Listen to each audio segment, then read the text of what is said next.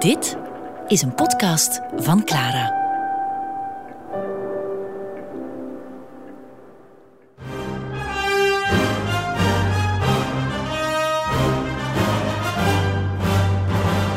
Muziek voor Stalin met Michel Krielaars. Здравствуйте, ребята! Слушайте пионерскую зорьку. Приготовьтесь к выполнению гимнастических упражнений. Выпрямитесь, голову повыше, плечи слегка назад. Вдохните на месте шагом марш. Раз, два, три, четыре. Раз, два, три. 1 december 1962 begint zoals elke andere dag in Sovjet-Rusland. Om 6 uur 's ochtends begint de radio te spelen. Eerst de officiële Sovjet-hymne en dan de ochtendgymnastiek. Armen omhoog, armen omlaag, op het ritme en zo verder.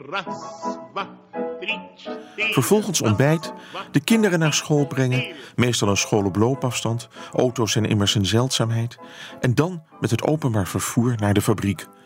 Te laat komen is geen optie, maar reeds om acht uur begint de planningsvergadering. Zo werkt dat in een planeconomie. Elke fabriek heeft een plan dat aan het eind van het jaar klaar moet zijn. Veel valt er niet te verdienen in de fabriek. Toch doe je maar beter je best, want wie weet kun je tot manager schoppen. En wie daarin slaagt, krijgt toegang tot een iets beter leven. Een groter appartement misschien, in een gebouw van baksteen in plaats van beton. Of misschien wel een betere locatie voor een buitenhuisje, betere vakanties of zelfs een auto. Het zijn de beslommeringen van veel gewone mannen en vrouwen in de Sovjet-Unie. De beslommeringen van de Russische leider Khrushchev in december 1962 zijn van een geheel andere orde. Grote zorg heeft hij aan zijn hoofd.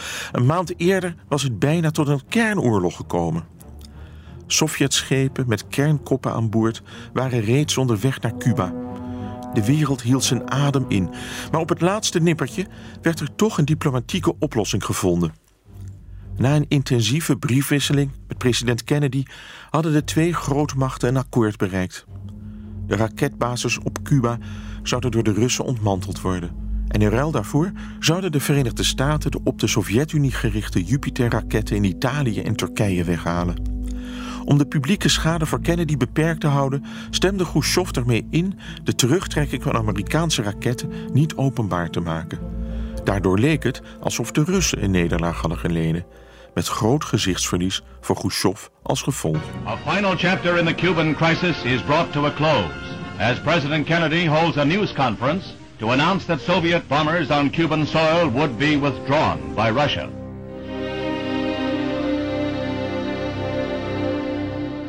Khrushchev is dus, om het zacht uit te drukken, niet in de opperbeste stemming wanneer hij op die 1 december 1962 aan zijn dagtaken begint.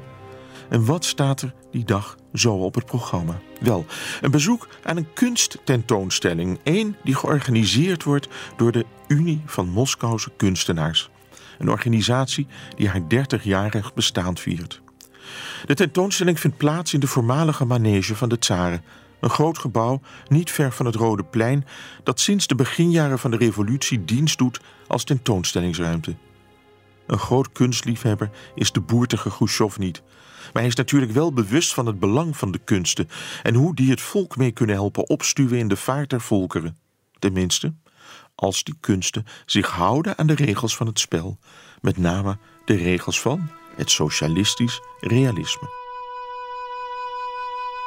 De eerste schilderijen die hij te zien krijgt beantwoorden prima aan deze vereisten. Heel traditionele werkjes, portretjes van jonge en krachtige Sovjetburgers, al of niet met sikkel en hamer in de handen, die het geloof in een stralende toekomst uitstralen. Maar dan wordt hij door de gastheer van de tentoonstelling, ene Eli Bielutin, naar een aparte zaal geleid. En daar is een ander soort werk te zien. Wat Khrushchev nu te zien krijgt, bezorgt hem een cultuurschok waar hij even niet goed van wordt. Er staan allerlei beelden opgesteld in abstracte vormen. Schilderijen aan de muur met vreemdsoortige afbeeldingen. Bijvoorbeeld een ei waarvan de dooier een menselijk oog is. Het afgrijzen staat op Khrushchevs gezicht te lezen. En hij raakt zelfs geïrriteerd.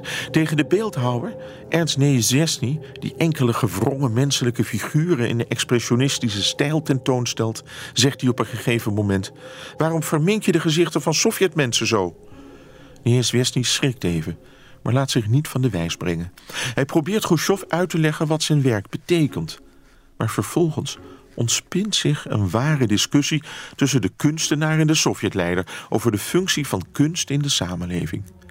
Niezhesny wil zijn integriteit als kunstenaar verdedigen, maar daar heeft Khrushchev geen oren naar. Je bent een interessant persoon. Ik hou van jouw soort mensen. Maar je hebt tegelijkertijd een engel en een duivel in je. Als de engel wint, zullen we je helpen. Als de duivel wint, zullen we je vernietigen. Het zal je maar gezegd worden. Maar die Niezhesny is niet geïntimideerd door die woorden. Hij antwoordt dat hij zich niet laat afschrikken door deze bedreiging van de hoogste Sovjetleider. Nu, die Niezhesny had wel voor hetere vuren gestaan. Als soldaat in de Tweede Wereldoorlog werd hij ter dood veroordeeld voor de moord op een soldaat van het Rode Leger die zijn vriendin had verkracht. Twee maanden bracht hij door in afwachting van de executie voor een vuurpeloton.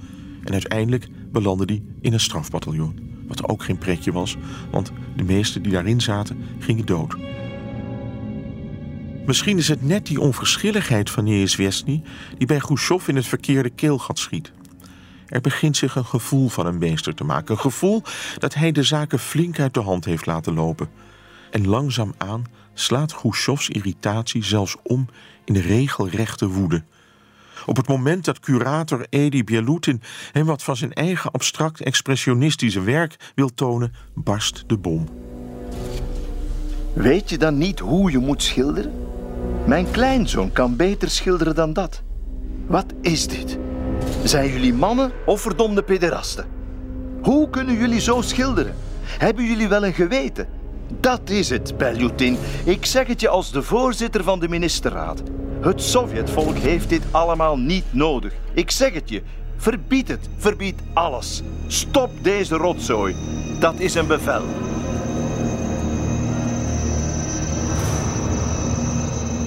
Khrushchev is in zijn tirade niet te stoppen. De abstractionisten, idioten en parasieten zijn het. Ze hebben het vertrouwen van de staat verraden. Dat kan niet langer. Voortaan moet er weer een strikt beleid in de kunst gehandhaafd worden. Alles moet gecontroleerd. Op de radio, op televisie, in de kranten moeten alle sympathisanten van dit soort gedegenereerde kunst worden uitgeroeid. De volgende dag is de uitbarsting van de Sovjetleider voerpagina nieuws in de Pravda. En het is Khrushchev menens.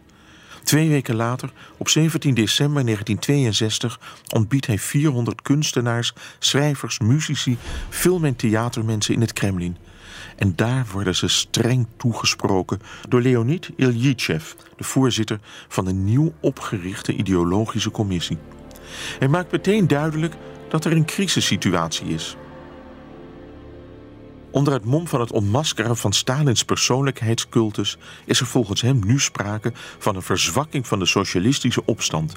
En daar zijn de kunstenaars mede schuldig aan.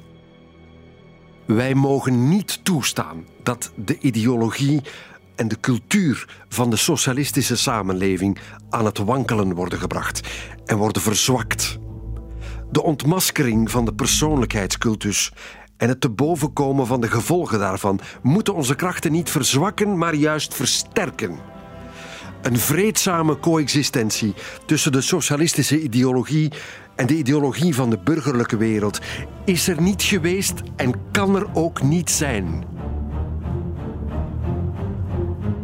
De kritiek van Ilyitchev is in de eerste plaats gericht tegen de abstractionistische schilders en beeldhouwers.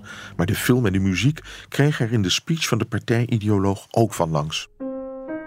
Formalistische tendensen hebben zich helaas niet alleen in de schone kunsten verspreid, maar ook in de muziek, in de literatuur en in de film. In de muziek bijvoorbeeld constateren we, ondanks algemene vooruitgang en verliefdheid op het buitennissige gejoel van diverse buitenlandse en niet alleen buitenlandse jazzbands. Het gaat hier niet alleen om jazzmuziek in het algemeen, maar om de kakofonie van klanken die de luisteraar soms wordt aangedaan en die alleen door een misvatting de naam muziek waardig wordt verklaard.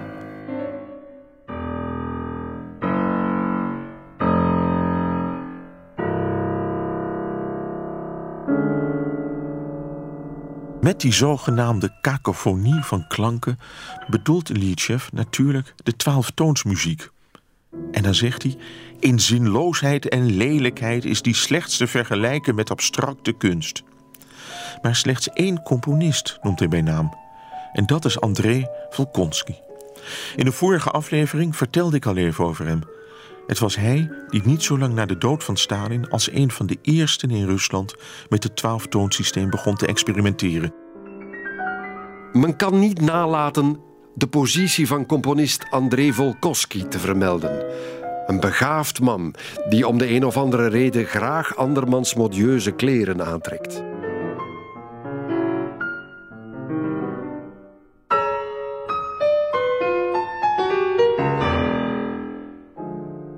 Dit klinkt meer uit droefheid dan uit woede. Maar wat opmerkelijk is, is dat Ilyitchev op de hoogte is van het bestaan van Volkonsky. Het klopt wel dat deze al die tijd avant-gardistische muziek, muziek voor muzieksnops, is blijven componeren. Maar hoe zou Ilyitchev dat kunnen weten wanneer die muziek nergens werd opgevoerd? Enfin, nergens is veel gezegd. Pianisten als Maria Judina waren zijn muziek nog wel blijven uitvoeren, maar dan in kleine achterafzaaltjes voor een heel klein kringetje, zeg maar ondergrondse muziekliefhebbers. Het is duidelijk dat de informatie over het ondergrondse gevaar van experimentele componisten aan Ilyitchev en Khrushchev werd doorgespeeld. En de klikspaan van dienst is natuurlijk de baas van de Componistenbond. En dat is nog steeds Tichon Grennikov. Grennikovs bedoeling was wellicht om wat waarschuwende opmerkingen uit officiële hoek te ontlokken, bedoeld om eventuele rebellen af te schrikken. Maar dat het allemaal zo uit de hand zou gaan lopen, had hij wellicht niet verwacht. En wat hij zeker niet verwacht zal hebben, is dat de eerste die het slachtoffer zou worden van deze nieuwe hetze, de meest vooraanstaande van zijn componisten zou zijn, namelijk Dmitri Shostakovich. En wat zal hem deze keer overkomen? Houdt het dan nooit op, zal hij hebben gedacht. Het heeft alles te maken met de vriendschap van Shostakovich met een jonge dichter, Yevgeny Yevtushenko. 29 jaar oud is deze op dit moment. Hij is zeer populair bij de jongere generatie en hij is bevriend met tal van bekritiseerde moderne schilders op de manege tentoonstelling. Zelf wordt hij ook al een tijdje met argusogen bekeken door de autoriteiten, maar ook door zijn meer conservatieve collega's. Pas onlangs, op 21 oktober, zijn twee van zijn controversiële gedichten gepubliceerd die een huivering teweegbrachten bij de hardliners.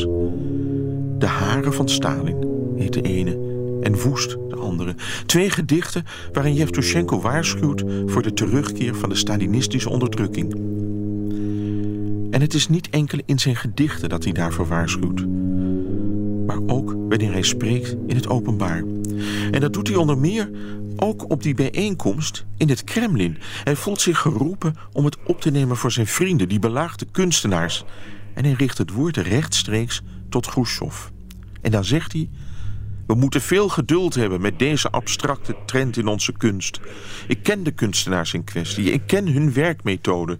Ik ben ervan overtuigd dat verschillende formalistische tendensen in hun werk mettertijd zullen worden rechtgetrokken.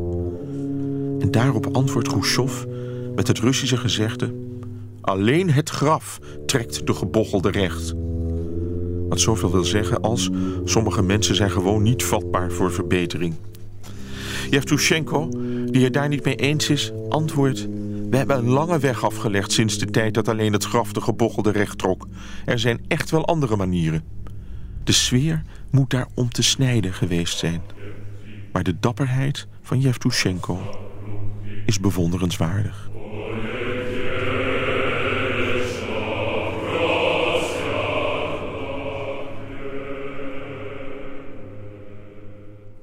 Het toeval wil dat deze vaak geciteerde dialoog tussen Khrushchev en Yevtushenko plaatsvond één dag voor de première van de nieuwe symfonie van Shostakovich, zijn dertiende al.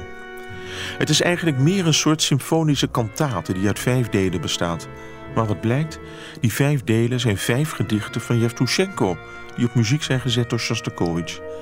En alsof dat nog niet genoeg is, een van die gedichten het eerste uit de symfonie, is een op dat ogenblik hoogst controversieel gedicht van Yevtushenko, Babi Jaar. Het is een gedicht dat hij nog maar een jaar geleden voordien geschreven heeft. Die naam Babi Yar doet misschien wel een belletje rinkelen. Het is de naam van een ravijn nabij de Oekraïense hoofdstad Kiev... waar de nazi's tijdens de Tweede Wereldoorlog massamoorden op de Joden hebben aangericht. In december 1941 werden er in Babi Yar bijvoorbeeld in twee dagen tijd 34.000 Joden uit Kiev geëxecuteerd. Het is een van de grootste bloedbaden in de geschiedenis van de Holocaust. De lijken lagen letterlijk in lagen. Gewonde slachtoffers werden levend begraven. Ik ben er een paar keer geweest. Het ravijn is nu overdekt met aarde en wordt omringd door bomen. En in die bomen hangen kransen van Duitsers die zich schuldig voelen over wat hun voorouders er hebben aangericht.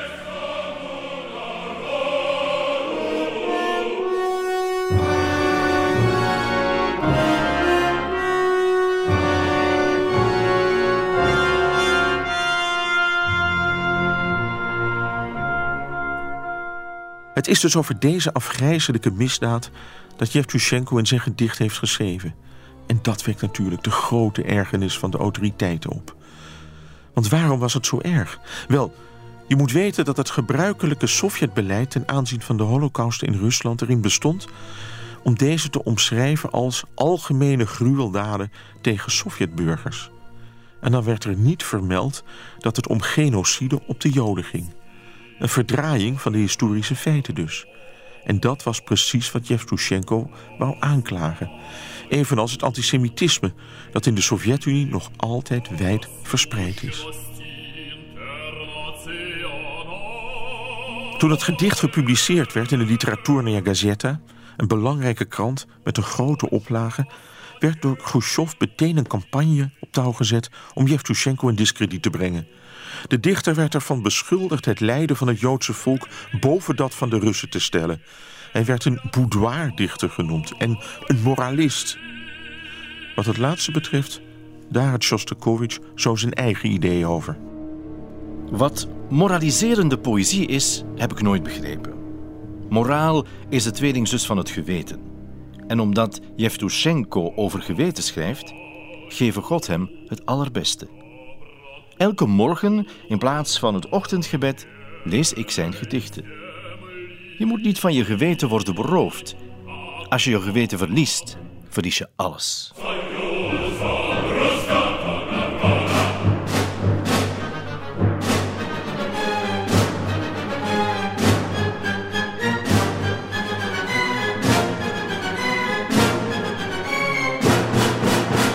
Nu, met dat thuislezen van kritische gedichten van Yevtushenko bij wijze van ochtendgebed, dat kon de partij misschien nog wel door de vinger zien. Maar ze ook nog eens opvoeren tijdens een openbaar concert met symfonische ondersteuning, ja, dat heeft potentieel natuurlijk een veel grotere impact. Khrushchev dreigt er dan ook mee om de uitvoering tegen te houden. Maar zover komt het niet. Wel worden er op de dag van de première voortdurend stokken in de wielen gestoken. Camera's die oorspronkelijk bedoeld waren om het concert op televisie te brengen, worden tijdens de repetitie luidruchtig uit elkaar gehaald. Op een bepaald ogenblik dreigt zelfs het hele koer weg te lopen. Daartoe werden ze waarschijnlijk opgestookt. Yevtushenko kan het met een wanhopige toespraak net verhinderen. En Shostakovich, die vindt het ronduit walgelijk wat er nu gebeurt. Khrushchev gaf in dit geval geen moer om de muziek. Hij was woedend over Yevtushenko's poëzie. Maar sommige strijders op het muzikale front werden echt opgefokt. Zie je wel, Shostakovich heeft weer eens bewezen dat hij niet te vertrouwen is. Laten we hem te grazen nemen. En een walgelijke gifcampagne begon. Ze probeerden iedereen af te schrikken, ook Yevtushenko en ik.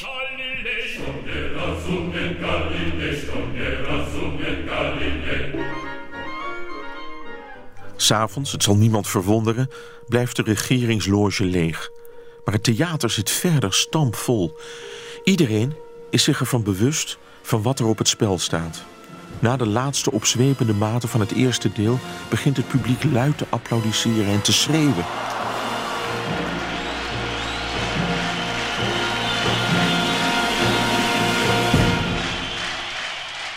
Het applaus is bestemd voor Shostakovich, die met zijn muziek niet teleurstelt, maar evengoed voor Yevtushenko, voor zijn moedige woorden Het publiek blijft me applaudisseren als een soort morele steun. En ook na het laatste deel volgt een staande ovatie. Shostakovich en Yevtushenko komen samen het podium op. De eerste wat verlegen en onhandig, de tweede met het gemak van een geboren acteur. Twee grootse artiesten, een generatie van elkaar verwijderd, vechtend voor dezelfde zaak, de artistieke vrijheid. Onze belaagde, maar onversaagde beeldhouwer Ernst Niezwestny, die ook aanwezig was, zei later: Het was groot. Er was een gevoel dat er iets ongelooflijks was gebeurd. Volgens de Pravda van de volgende dag is er helemaal niets ongelooflijks gebeurd. Wel geteld één zin wordt er besteed aan de première. Gewoon de melding dat deze heeft plaatsgevonden. Wat een anticlimax. Nog één uitvoering volgt er, twee dagen later, op 20 december 1962. Maar daarna is het gedaan. De symfonie mag enkel nog worden uitgevoerd indien de tekst wordt aangepast. Shostakovich en Yevtushenko kunnen niet anders dan buigen voor de censuur.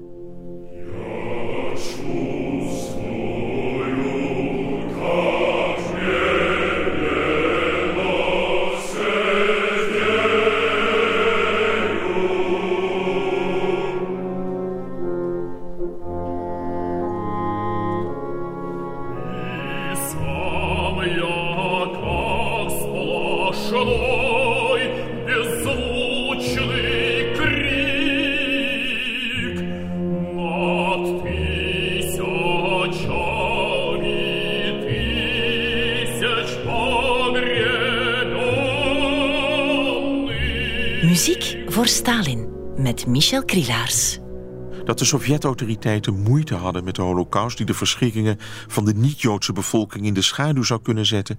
is iets wat ook de Joodse componist Mieczysław Weinberg kon ondervinden. Een opera die hij over het onderwerp schreef, De Passagieren... zou nooit uitgevoerd mogen worden in de Sovjet-Unie. Pas tien jaar na zijn dood, in 2006, werd hij voor de eerste keer in concertante vorm opgevoerd. De opera was gebaseerd op de gelijknamige roman van de Poolse schrijfster Sofia Plasmisz over haar ervaringen als gevangen in Auschwitz. In het verhaal wordt een kampbewaakster door een voormalige gevangene geconfronteerd met haar verleden. Weinberg vond het zijn allerbeste compositie, zijn magnum opus. En inderdaad, het is een werk dat hem in de hoogste echelons van de muziekwereld had kunnen brengen. Maar het mocht helaas niet zijn. In 1963, een jaar na Shostakovich's Babi-jaar-symfonie, voltooit Weinberg ook een eigen symfonie. Eén die daar heel subtiel bij aansloot.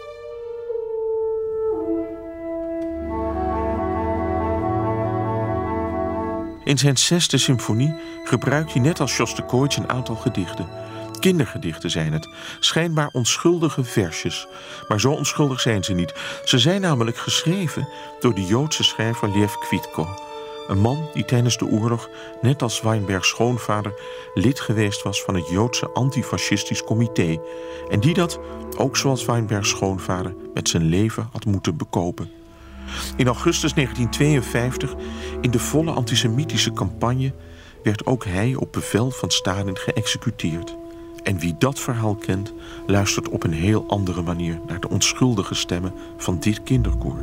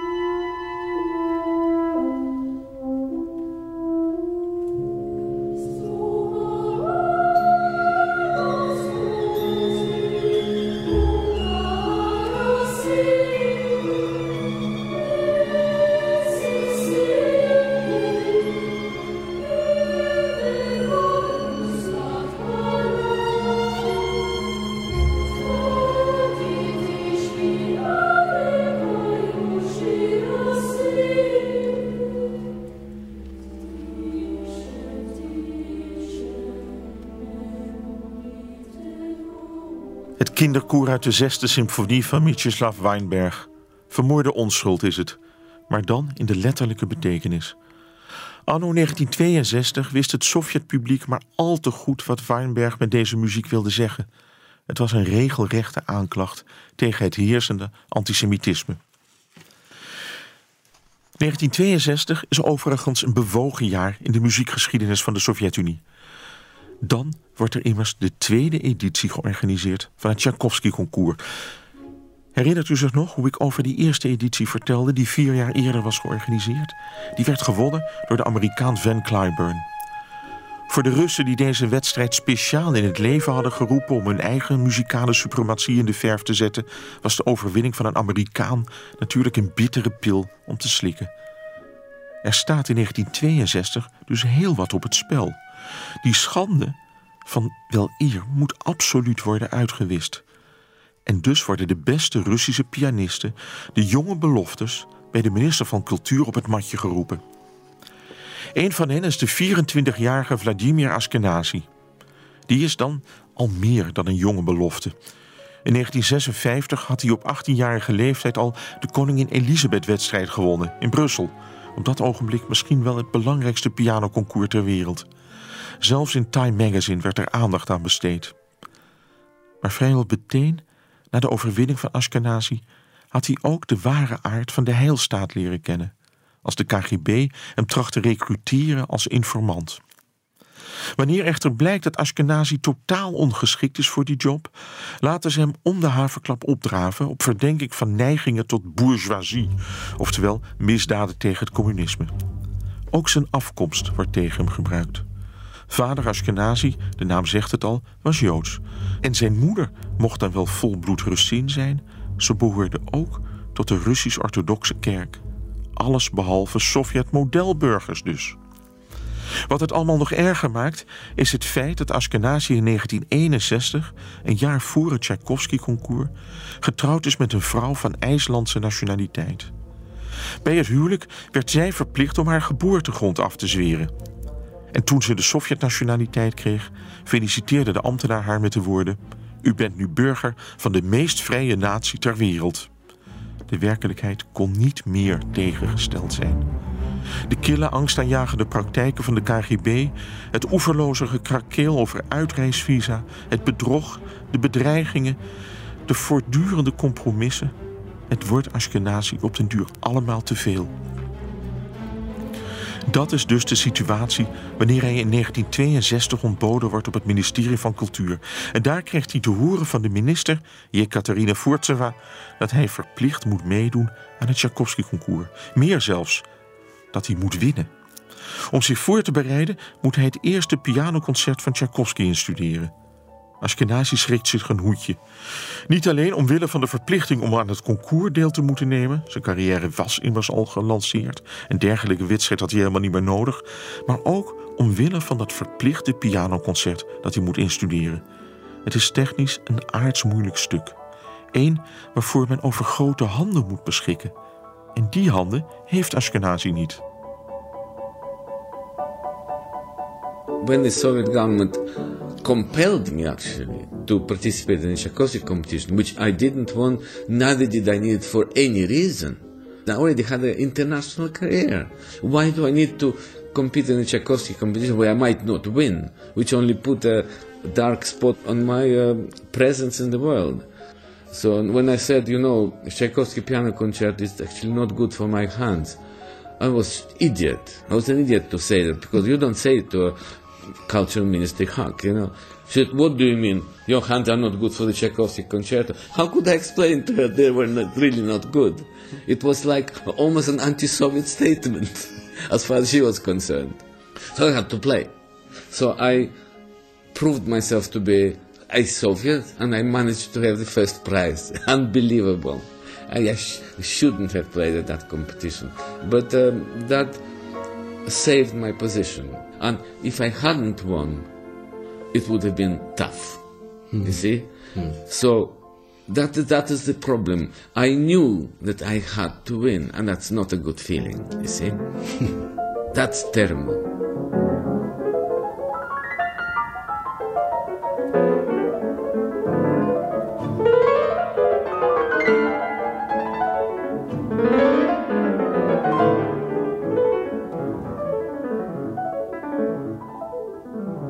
Het gevoel te moeten winnen.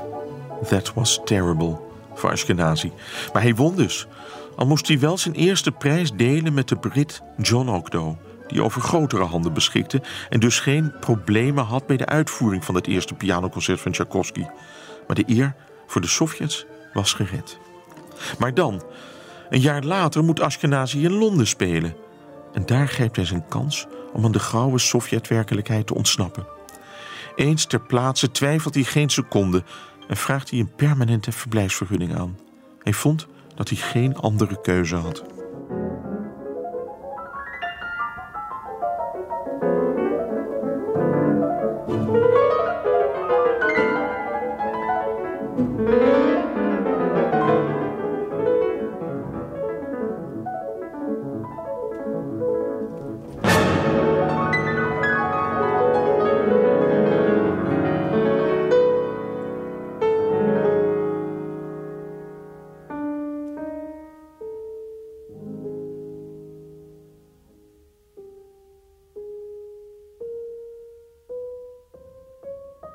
Het overlopen van Ashkenazi komt zeer hard aan bij de Russen.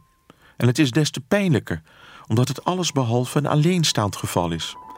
In 1961 hadden ze al met leden ogen moeten aanzien hoe een allerbeste balletdanser Rudolf Nureyev de benen had genomen in Parijs. KGB-agenten die hem al een tijdje observeerden en hadden gezien hoe Nureyev in Parijs homobars had bezocht, trachten hem nog met een list weer op een vliegtuig naar Moskou te zetten. Ze maakten hem wijs dat zijn moeder ziek was. Maar daar trapt Nureyev niet in. Met behulp van onder andere de Franse politie weet hij aan zijn KGB-bewakers te ontsnappen en vraagt hij asiel aan in Parijs. Enkele dagen later tekent hij al een contract bij het Grand Ballet du Marquis de Cueva. De gebeurtenissen zijn wereldnieuws. Rudolf Nureyev, the Soviet ballet star who walked out on the Leningrad State Kirov Ballet and asked for asylum in France, is to dance in the country of his adoption. At this stage, he would not say more, but continued his rehearsal for The Sleeping Beauty. Ballet experts declare that the young Russian is the Nijinsky of the 1960s. Nureyev wordt tot de nieuwe Nijinsky uitgeroepen en maakt die belofte ook waar. Terwijl men in Rusland zichzelf vervloekt.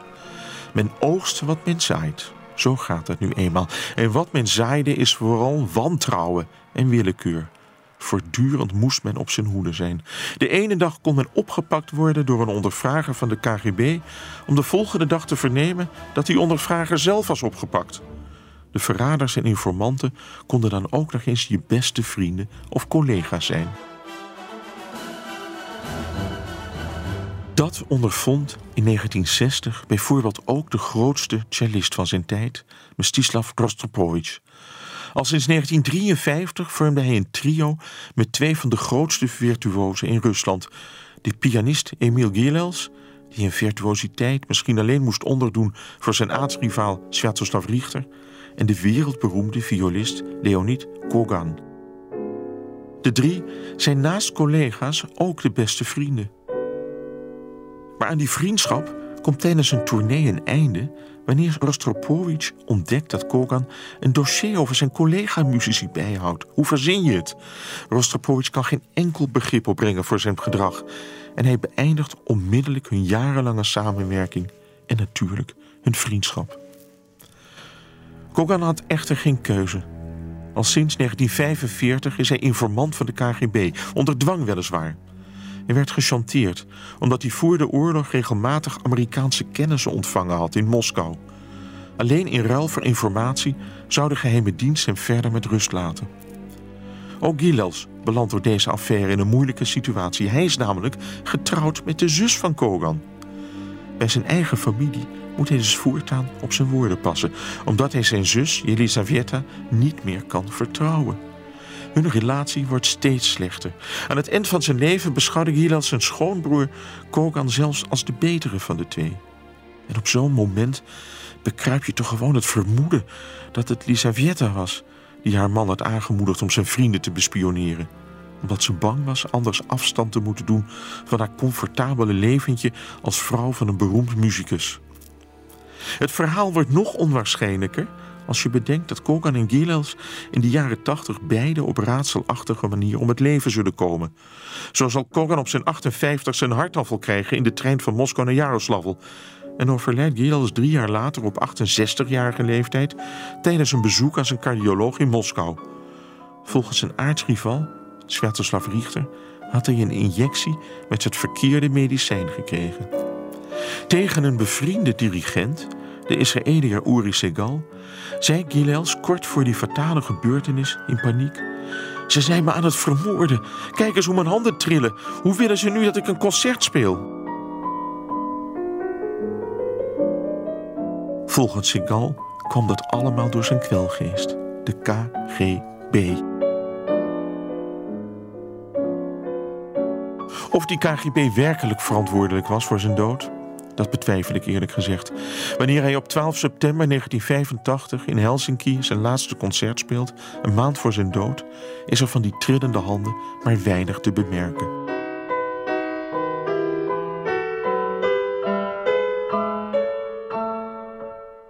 Gilels speelde in Helsinki nog een schitterende uitvoering van de Hammerklaviersonate van Beethoven. Pas enkele dagen later, wanneer hij terug in Moskou was, begon hij zich onwel te voelen. Ondanks een ziekenhuisopname wees niets op de ernst van zijn fysieke conditie. Op 14 oktober 1985 overlijdt hij.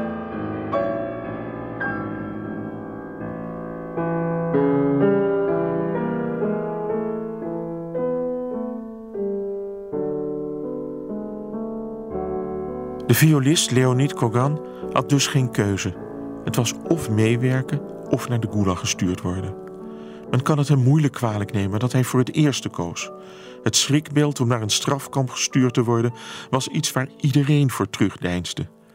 Dat het iets verschrikkelijks moest zijn, ja, dat wisten alle.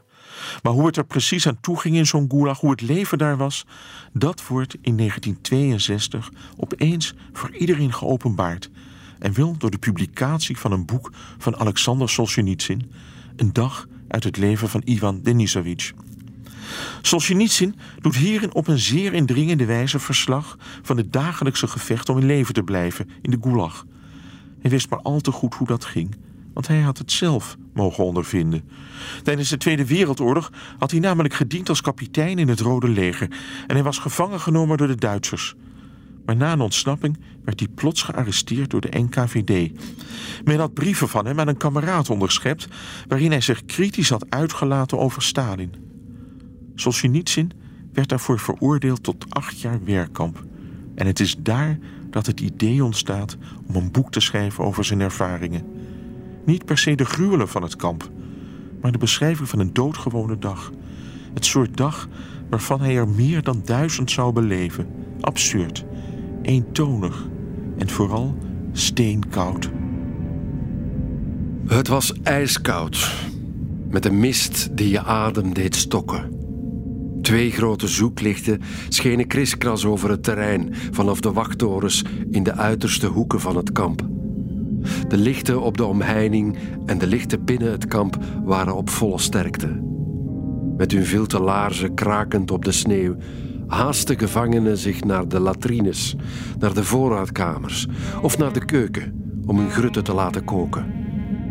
Hun schouders waren gebogen en hun jassen dichtgeknoopt en ze hadden het allemaal koud. Niet zozeer door het ijskoude weer, maar omdat ze wisten dat ze de hele dag buiten moesten zijn.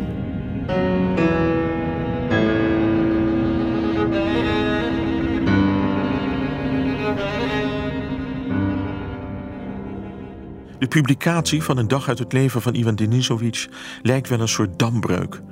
Van over het hele land worden Solzhenitsyn duizenden brieven toegestuurd met persoonlijke getuigenissen van lotgenoten. Wie echter niet blij zijn met de publicatie, zijn de dogmatici in de partijleiding, een paar haviken die met een beschuldigende vinger naar Khrushchev wijzen. Het is immers hij die toestemming had gegeven voor de publicatie. Wellicht had Khrushchev dat in een vlaag van enthousiasme gedaan, met het idee dat het zijn aanklacht tegen het beleid van Stalin nog wat kracht zou kunnen bijzetten. Evenwel zonder goed te beseffen wat hij bij veel van zijn landgenoten zou losmaken. Twee jaar later zijn het diezelfde haviken die Khrushchev aan de kant zetten. Vooral zijn verkeerde aanpak van de Cubaanse raketcrisis wordt hem aangevreven. Maar daarnaast wordt hij nog beschuldigd van een voluntaristisch beleid en ondoordachte reorganisaties van de planeconomie. Hij wordt opgevolgd door Leonid Brezhnev. Voor Solzhenitsyn is dat geen goede zaak. Langs alle kanten wordt hij vanaf nu gedwarsboomd. Nieuwe publicaties worden tegengehouden. Een toneelstuk van hem krijgt een opvoeringsverbod.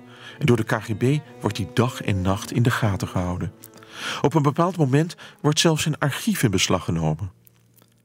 Maar wat betekende de komst van Brezhnev voor de wereld van de muziek? Brezhnev is slim genoeg om te beseffen dat de anti-intellectualistische trend die onder de laatste Khrushchev-jaren was ingezet geen stand kan houden. Dus ja, echte creativiteit is mogelijk. Zoeken en experimenteren, vrije expressie en botsende standpunten, het mag er allemaal bij horen. Maar, en daar zijn we weer, de kunst moet wel trouw blijven aan het beginsel van het socialistisch realisme. En één ding blijft uit ten boze, en dat is de dodecafonie. De beoefenaars ervan zullen niet meteen in de gulag belanden of geëxecuteerd worden. Maar ze kunnen er wel zeker van zijn dat hun partituren onuitgegeven blijven en dat hun de toegang tot de vakbond wordt ontzegd. Dat schept dus toch enige vrijheid. Genoeg vrijheid om een nieuwe generatie van min of meer modernistische jonge componisten te laten opbloeien. Onofficiële kunstenaars, zeg maar.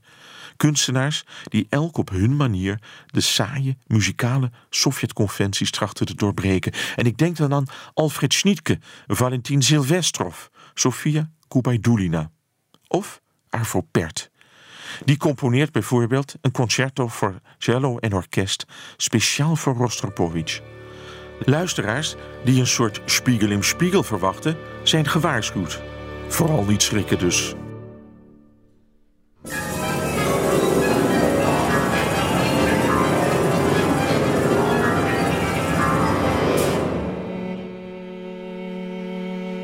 Mijn excuses aan de luisteraars die toch geschrokken zijn. Maar ik kan ze ook geruststellen. Het stuk bevat ook een verbluffende solopartij voor de cello, waarbij het instrument tevens gebruikt wordt als percussie-instrument. Dit is Arvo Pärt anno 1966.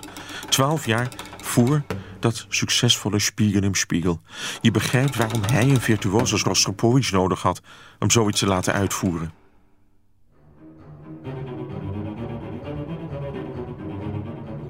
Een andere componist van die nieuwe jonge garde is Boris Tischenko.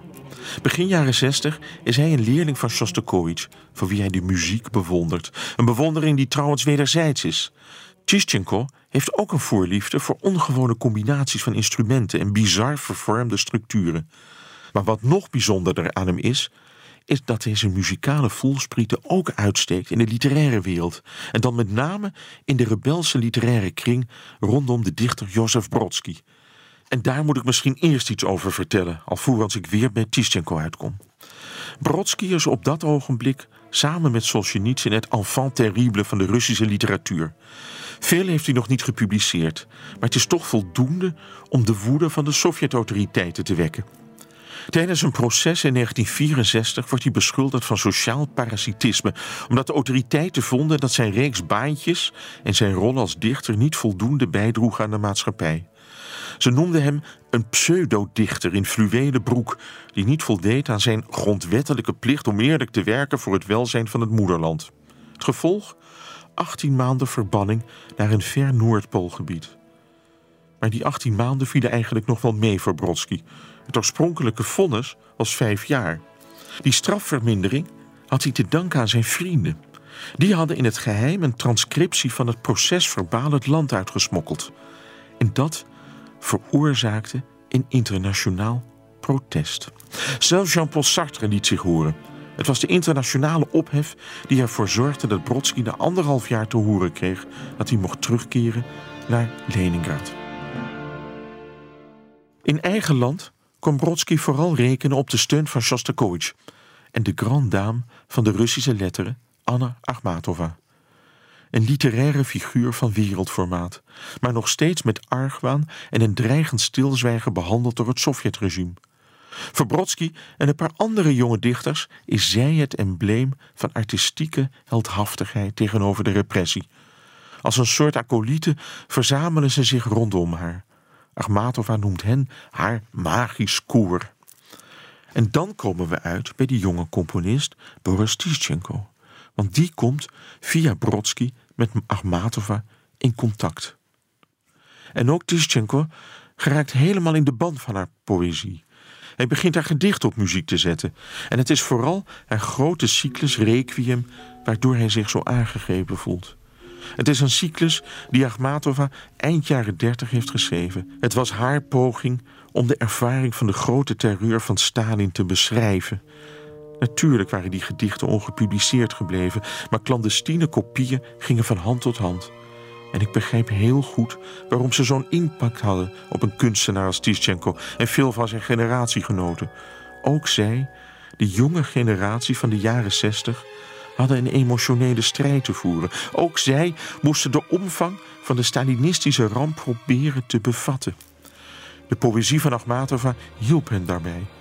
Net als het proza van Solzhenitsyn werkte dat therapeutisch om het verlies van al die onschuldige vrienden en kennissen te kunnen overkomen. Tischenko zet haar poëzie dus op muziek. Muziek die donker is en expressionistisch. Twee stemmen en orkest. In 1966 is het werk voltooid. Net op tijd. Want een jaar later overlijdt Anna Akhmatova in een sanatorium in Moskou. Ze wordt 76 jaar.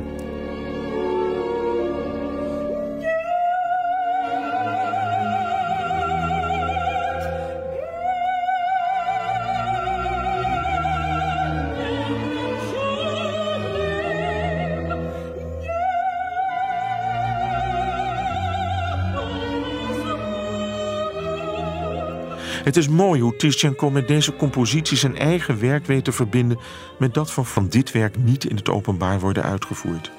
Maar de componist en vrienden geven privé-uitvoeringen, meestal voor één stem en piano, waardoor Tischenko's ondergrondse reputatie wordt gevestigd.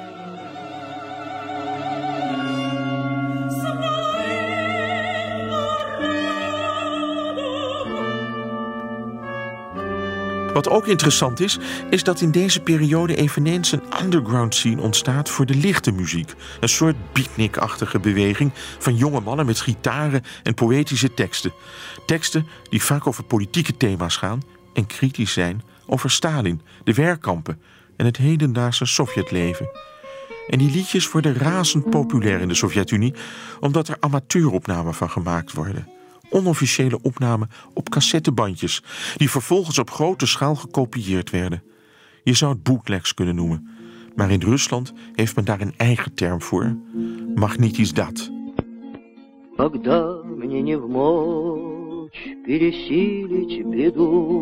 Illegaal was dat niet. Er stond tenslotte geen wettelijke limiet op het kopiëren van tapes. Sovjetburgers mochten ook eigen bandrecorders bezitten. En dat is best wel merkwaardig als je bedenkt dat het maken van meer dan zes getypte kopieën van een document met het doel ze te verspreiden wel verboden was. Bovendien werd alleen de uitvoerende kunstenaar op de opname verantwoordelijk geacht voor de inhoud. En zo kon deze muziek zich dus via de magnetisch dat verspreiden over de hele Sovjet-Unie, waar andere jonge mensen gitaren oppikten en de liedjes zelf begonnen te zingen.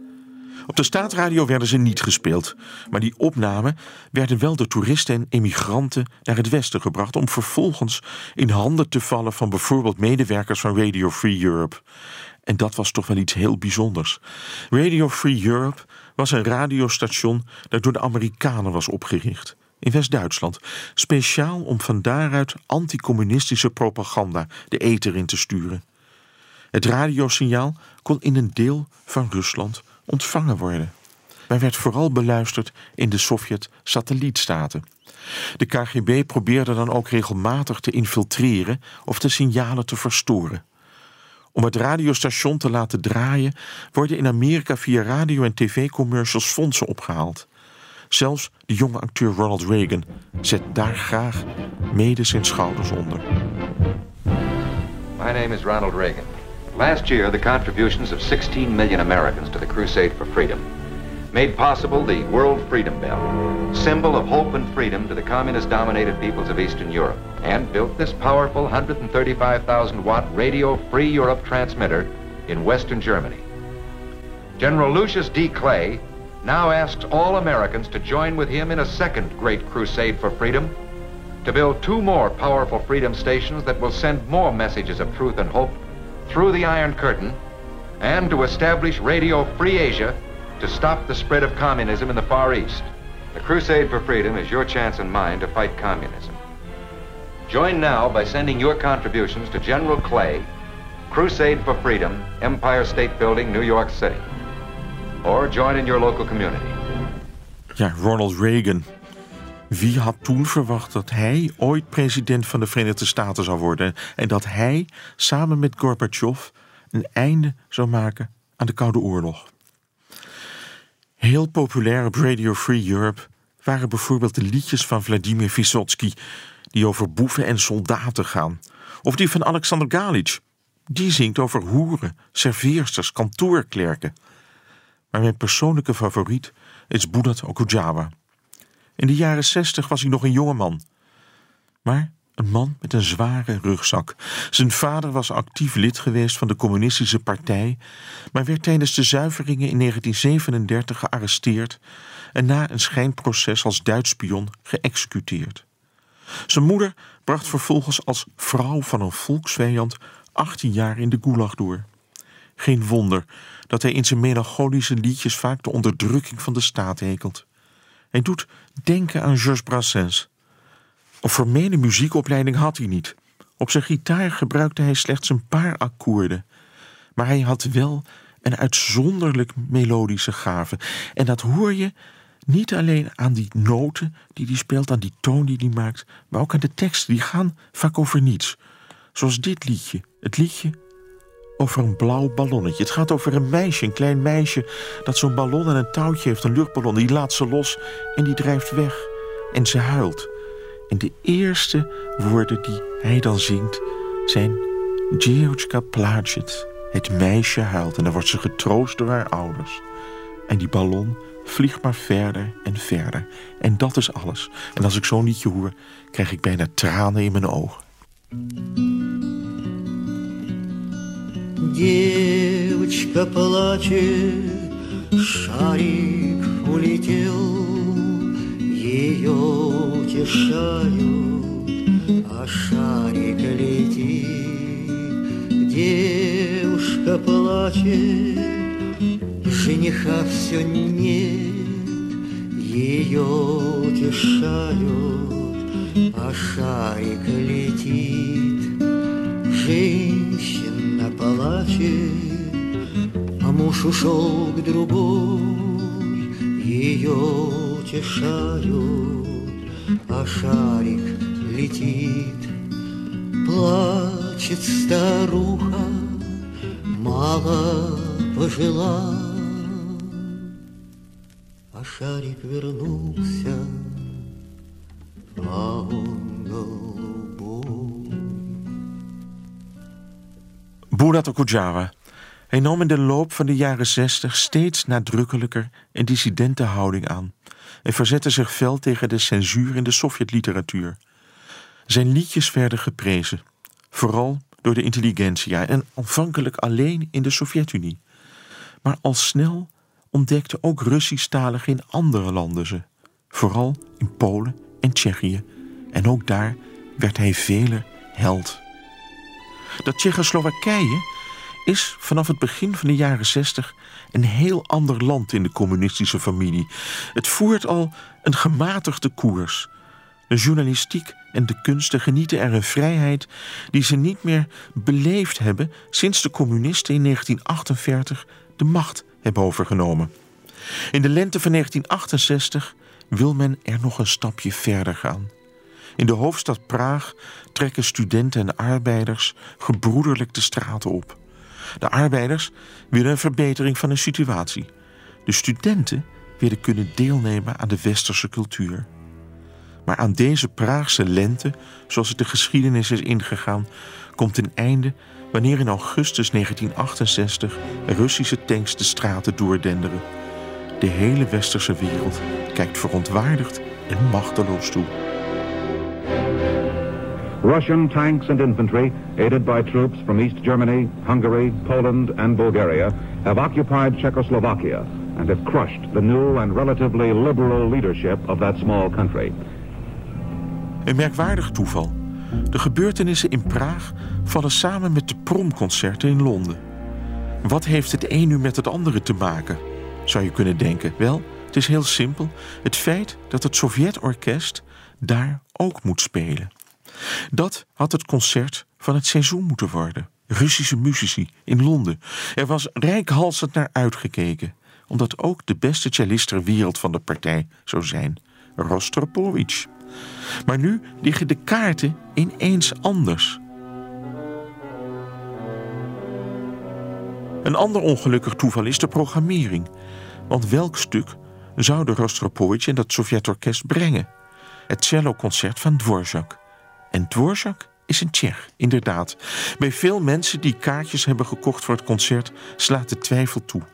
Ook bij de organisatoren. Kunnen we dit wel maken? Op een dag als deze Dvorak spelen is toch alleen maar zout in de wonden strooien. Maar na rijp overleg wordt besloten om het concert toch maar te laten doorgaan.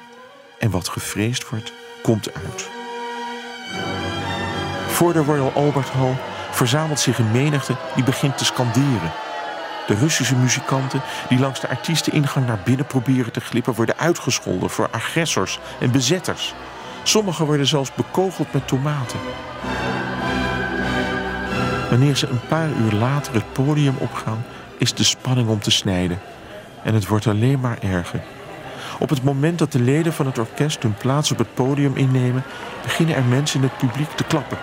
Ze willen hen niet de kans geven om te beginnen met spelen. Het geroep houdt zelfs aan wanneer de eerste maten van het concerto worden ingezet. Een man op een van de voorste rijen staat op. Hij steekt ostentatief zijn ticket in de lucht en roept dat hij uit protest opstapt. Maar na enkele maten verstomt het rumoer in de zaal. Het is het moment waarop Rostropovich begint te spelen. En dat doet hij op een manier zoals alleen hij dat kan, met hart en ziel. Een hart dat duidelijk solidair met de demonstranten in Praag is. Het is die stad waar hij in 1955 zijn vrouw Galina Wisniewskaja heeft leren kennen. En die hij daar na drie dagen reeds ten huwelijk had gevraagd. Zijn hart ligt daarom extra bij de inwoners van die stad, die nu onderdrukt worden door troepen uit zijn land. Het publiek begrijpt ineens wat hij wil zeggen. Wanneer hij de laatste noten gespeeld heeft, veert het op en juicht hem toe. Rostropovich glimlacht niet eens, maar steekt met één hand de partituur van Dvorak de lucht in, alsof hij wil zeggen: Het is deze man die we vandaag moeten eren, uit solidariteit met alle Tsjechen. Een Engelse krant schreef nadien: Even if he had ridden into the Albert Hall on the back of a tank, he would still have been greeted with an ovation.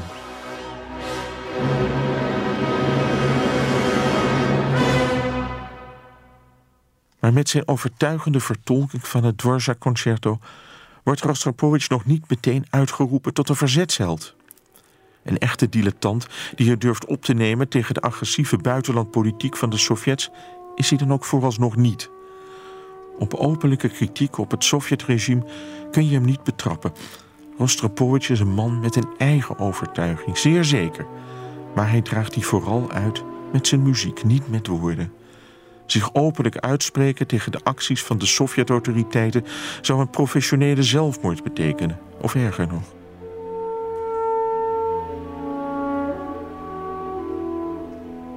Anderzijds weet hij dat hij ook niet langer meer kan wegkijken van het politieke toneel. Hij weet dat er een moment zal aanbreken waarop hij niet langer meer kan zwijgen. En dat moment komt sneller dan gedacht.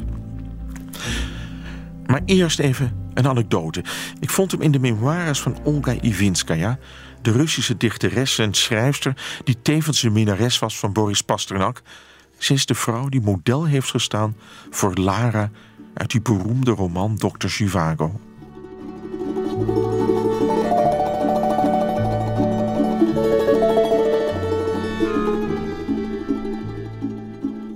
Op een dag, begin jaren 70, reist Olga Ivinskaya met de trein van Leningrad naar Moskou. Ze moet haar coupé delen met een vreemdeling, een kalende veertiger. Rustig pakt ze wat zaken voor onderweg uit, waaronder een tijdschrift dat een feuilleton van een bekende Sovjetschrijver bevat. Hoe kunt u zulke rotzooi lezen? vraagt de man tegenover haar. Ikzelf lees alleen schrijvers die niet gepubliceerd mogen worden. Zoals, vraagt Ivinskaya dan. Alexander Solzhenitsyn, antwoordt de man. Ik vind hem beter dan Tolstoy. Maar u zult Solzhenitsyn wel niet lezen. Ivinskaya is eerst wat verontwaardigd door de vrijpostigheid van deze man. Maar al gauw raakt ze toch door hem geboeid. Solzhenitsyn, zegt hij, heeft zichzelf niet verlogend zoals Pasternak.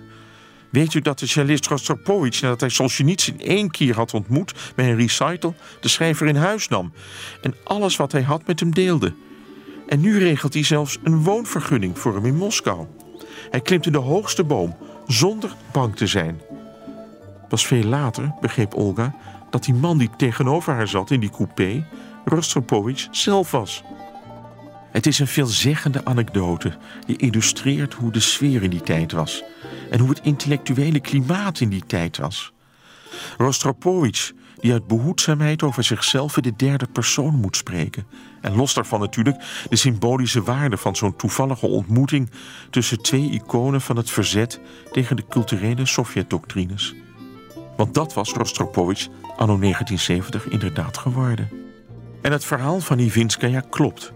In 1969 heeft Rostropovich de dissidente schrijver Alexander Solzhenitsyn inderdaad onderdak geboden in zijn dacha.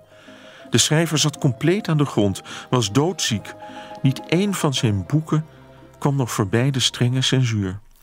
De schrijver woonde in een onverwarmde dacha aan de Mozhaisk-snelweg. Rostropovich, die ervan hoorde, stapte onmiddellijk in zijn auto en reed er naartoe. En daar vond hij de schrijver in een ijskoud bed met acute ischias. Spontaan nodigde hij hem uit op zijn eigen dacha. En die was natuurlijk van alle comfort voorzien. En Solzhenitsyn, die aarzelde geen moment en ging meteen met hem mee.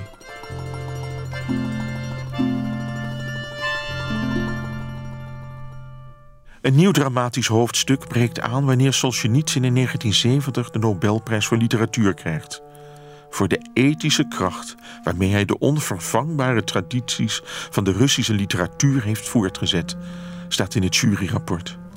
De autoriteiten zijn woedend. Net als bij Pasternak in 1958 vinden ze dit een pure provocatie van het Westen. Ze laten de schrijver dan ook niet naar Zweden gaan om de prijs in ontvangst te nemen. Maar ook ditmaal laat Solzhenitsyn zich niet intimideren en zorgt hij ervoor dat zijn nieuwe werk in het vervolg in het buitenland verschijnt. Op microfilms wordt het het land uitgesmokkeld. En daarmee ondertekent de schrijver zijn definitieve vonnis. Hij wordt tot vijand van het volk bestempeld en op alle mogelijke manieren geïntimideerd. De KGB houdt hem voortdurend in de gaten. En ook Rostropovich krijgt te horen dat hij zich niet langer meer mag inlaten met de vijanden van de eendrachtige Sovjet-natie. Maar fatsoen en vriendschap zijn belangrijker voor Rostropovich dan zijn carrière. Wanneer de minister van Cultuur, Jekaterina Voortseva, hem oproept om Solzhenitsyn zijn huis uit te gooien, is zijn antwoord zoiets als: Alleen als u hem een ander warm dak boven het hoofd verschaft en hij uit zichzelf vertrekt. Zoiets zeg je natuurlijk niet ongestraft. Rostropovich krijgt een vloed aan negatieve propaganda over zich heen. Concerten in eigen land worden geannuleerd. Een reisverbod van zes maanden, et cetera, et cetera. En deze benarde situatie komt zelfs geen eind wanneer Solzhenitsyn in het voorjaar van 1972 vrijwillig de datsje van Rostropovich verlaat om bij zijn tweede vrouw in Moskou in te trekken. Op een dag wordt Rostropovich bij een andere hoge functionaris van het Centraal Comité geroepen, die hem, vrij naar Lenin, zegt: Wie niet voor ons is, is tegen ons. Waarop Rostropovich met zijn niet te temmen humor antwoordt: Als ik het celloconcert van Dvorak speel, wat ik erg goed kan, kunt u me dan vertellen of ik voor of tegen u ben? En op die manier neemt de druk alleen maar verder toe. Behalve in Moskou worden ook zijn optredens elders in de Sovjet-Unie steeds verder ingeperkt. Zo mag hij niet meer optreden in grote steden als Kiev, Leningrad en Riga. Zelfs concerten in kleine provinciesteden worden ineens geannuleerd. En wanneer hij wel ergens mag spelen, staat zijn naam niet op de concertaffiches, niet in de concertprogramma's of in de aankondigingen in de lokale pers. Het gevolg? Lege zalen. Lesgeven, dat mag hij nog wel. Maar wanneer blijkt dat zijn studenten regelmatig door de KGB worden ondervraagd, begint Rostropovich voor zijn eigen veiligheid te vrezen. Die vrees is terecht. De KGB begint alsmaar driester op te treden tegen muzici die niet in de pas lopen. Dat mag bijvoorbeeld de componiste Sofia Gubaidulina ondervinden. Ik noemde haar naam al eerder. Zij was een van die jonge componisten die na de val van Khrushchev begonnen was te experimenteren met microtonale technieken en improvisaties. Maar ondertussen was ze vooral met religie en spiritualiteit bezig in haar muziek. Ze was dan ook een zeer toegewijd Russisch-orthodox christen. Ik zeg was, maar ze leeft nog hoor. 90 jaar is ze intussen. Maar het had heel anders met haar kunnen lopen. In 1973 besluit de KGB dat ze genoeg van haar hebben. Op een dag staat Sofia alleen in de lift van het flatgebouw waar ze woont. De lift is bijna gesloten, wanneer er zich nog snel een hand tussen de sluitende liftdeuren wringt. Een onbekende, verdacht uitziende man stapt in. Daar staat hij, hoed op, handschoenen aan. Het lijkt wel een filmscène die we allemaal wel eens gezien hebben. En dan gebeurt het. De man werpt zich op Sophia en begint haar te wurgen. Sophia tracht zich te verzetten, probeert hem van zich af te slaan. Maar de man houdt zijn handen stevig rond haar keel. Hij doet werkelijk zijn best om die zoveel mogelijk dicht te knijpen. Maar dat blijkt toch moeilijker dan gedacht. En blijft het proberen en proberen. Maar hij heeft op den duur zoveel tijd nodig dat Sophia hem vraagt: Waarom duurt dit zo lang? En op dat ogenblik laat hij los en vlucht hij weg. Misschien vond hij het eng dat ze weigerde bang voor hem te zijn, of misschien kwetste ze hem met haar brutale kritiek op zijn capaciteiten. We zullen het jammer genoeg nooit weten.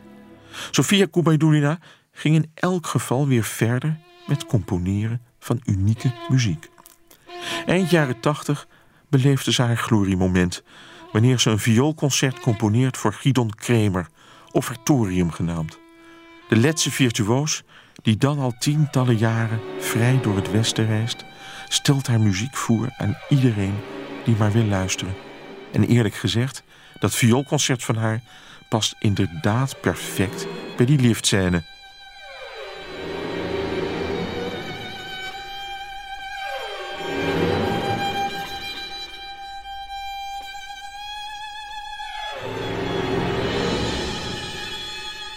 Ondertussen, in 1973, zit men in het Kremlin met de handen in het haar.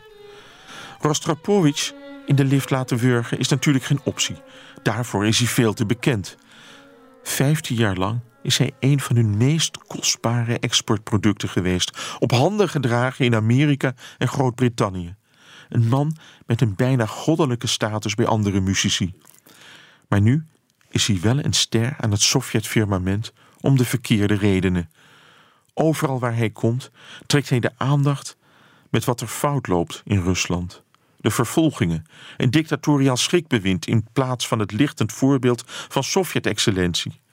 Het enige wat ze kunnen doen is hem de mogelijkheden ontzeggen om nog langer zijn beroep naar behoren uit te oefenen. En dat doen ze.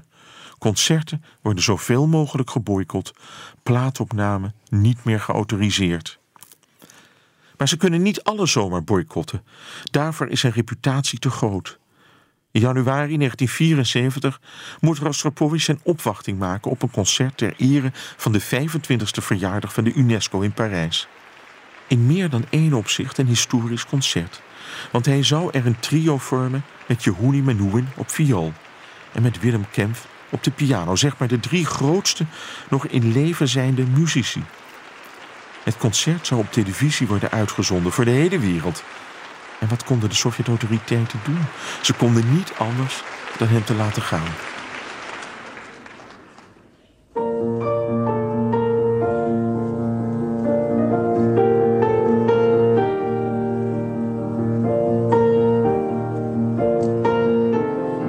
Rostropovich Menuhin En Kempf die samen het aartshertog trio van Beethoven speelde. Geweldig. Een betere uitvoering bestaat er misschien wel niet. Over een historisch moment gesproken. Met zijn 47 jaar is Rostropovich de jongste. Menuhin is 58 en Wilhelm Kempf 79. Drie generaties, drie nationaliteiten, verenigd in hun liefde voor Beethoven.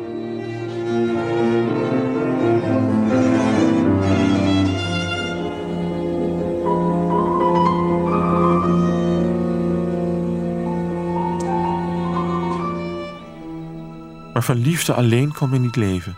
Terug in zijn thuisland wordt het voor Rostropovich stilletjes aan onhoudbaar. Tijd om de knoop door te hakken. Ofwel zelfmoord plegen, ofwel mijn land verlaten, waren letterlijk zijn woorden. De druppel die uiteindelijk de emmer doet overlopen, is de uitwijzing van zijn vriend Solzhenitsyn. De aanleiding daarvoor is het verschijnen van fragmenten in westerse kranten van de Gulag-archipel. Een boek waarin Solzhenitsyn nog meer onthullingen doet over de duizenden onschuldige gevangenen in de Gulag. Gruwelijke verhalen die door hemzelf zijn verzameld. De publicatie ervan slaat in als een bom. Ineens weet het Westen waar de Sovjet-Unie werkelijk voor staat. Een drastische reactie van de Sovjet-autoriteiten blijft niet uit. In februari 1974 wordt Solzhenitsyn het land uitgezet. Zijn vrouw en kinderen mogen hem enige tijd later volgen. Rostropovich komt meteen in actie. Zijn eerste stap is om de Britse ambassade te waarschuwen, waarmee hij internationaal de kat aan de bel bindt. En wat later doet hij er nog een schepje bovenop door een open brief te schrijven waarin hij het voor Solzhenitsyn opneemt. Leg mij alsjeblieft uit waarom in onze literatuur en kunst zo dikwijls volledig op dat vlak incompetente mensen het laatste woord hebben.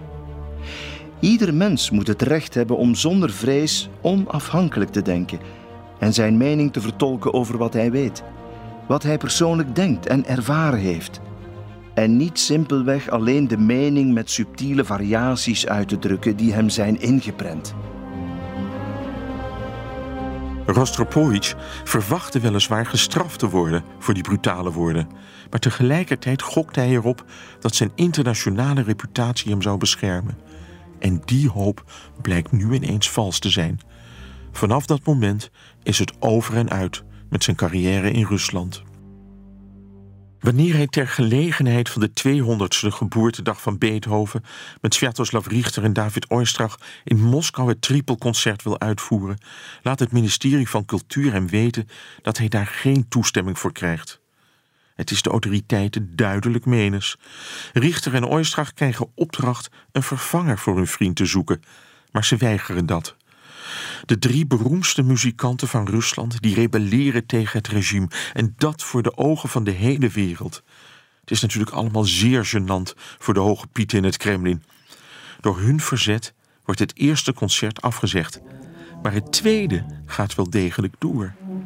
En wanneer Rostropovich dan op het podium verschijnt, krijgt hij een staande ovatie die zeven minuten duurt. Meer morele steun kan hij zich op dat moment niet wensen. Maar tegelijkertijd weet hij dat dit optreden het definitieve einde is.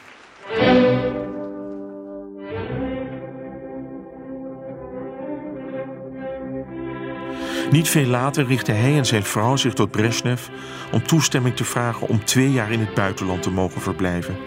En tot hun grote verrassing krijgen ze binnen een paar uur al een positief antwoord van Brezhnev zelf. Even had Rostropovich nog gehoopt dat de autoriteiten hem zouden smeken om in de Sovjet-Unie te blijven. Maar helaas, het doek is daar voor hem gevallen.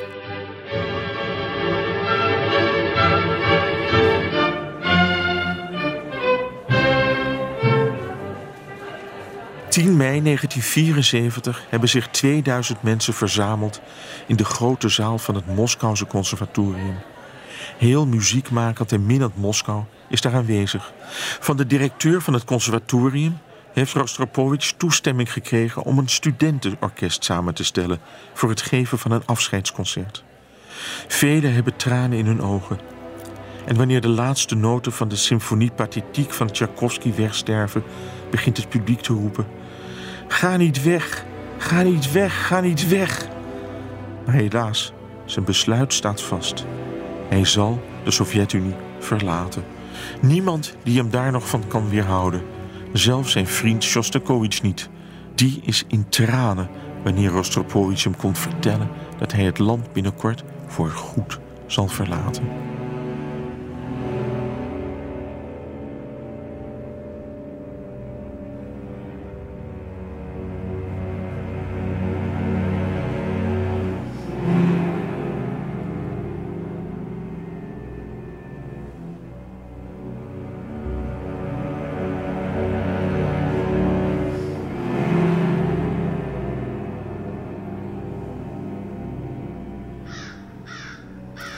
Twee weken later, op 26 mei, brengt Rostropovich nog een bezoek aan het kerkhof... waar hij zich nog even gaat bezinnen aan het graf van Prokofjev. En vandaar is het rechtstreeks naar de luchthaven. Veel bagage heeft hij niet. Twee cello's en een paar koffers met kleren. En zijn hond Kusha, een enorme Newfoundlander. Het is een ontroerend afscheid. Honderden mensen hebben zich verzameld om hem uit te wuiven. Weer vloeien er tranen maar niet bij de Sovjetbondse. Integendeel, bij de controle op de luchthaven worden hem al zijn prijzen, eretekens, al wat van goud of zilver is, afgenomen. Vernederender kan het afscheid van zijn vaderland niet zijn.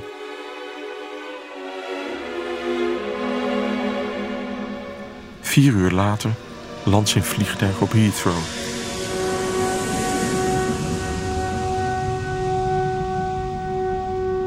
Wanneer Rostropovich in mei 1974 in Londen aankomt, heeft hij niet één afspraak in zijn agenda staan. Zo snel is het allemaal gegaan. Maar na enkele dagen beginnen de uitnodigingen binnen te stromen, zowel om cello te spelen als om te dirigeren. En in een mum van tijd bouwt hij een grote internationale carrière op. Overal wordt hij op handen gedragen en de miljoenen dollars stromen binnen. Overigens regelde Rostropovich al zijn geldzaken zelf. Geld kwijtraken aan managers, dat vindt hij zonde. Hij vraagt astronomische bedragen en laat zich dan ook nog eens graag contant uitbetalen, waardoor hij vaak met tassen geld rondloopt.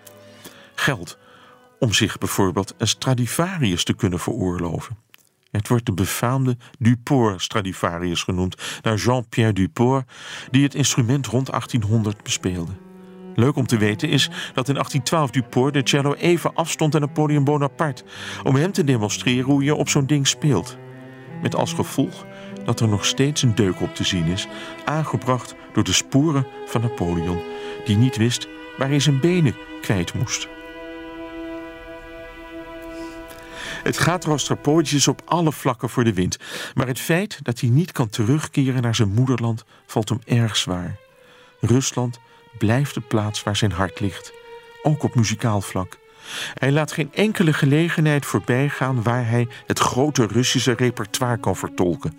De symfonieën van Tchaikovsky, de opera's van Rimsky-Korsakov en Mussorgsky. Maar bovenal de muziek van zijn goede vrienden Prokofjev en Shostakovich.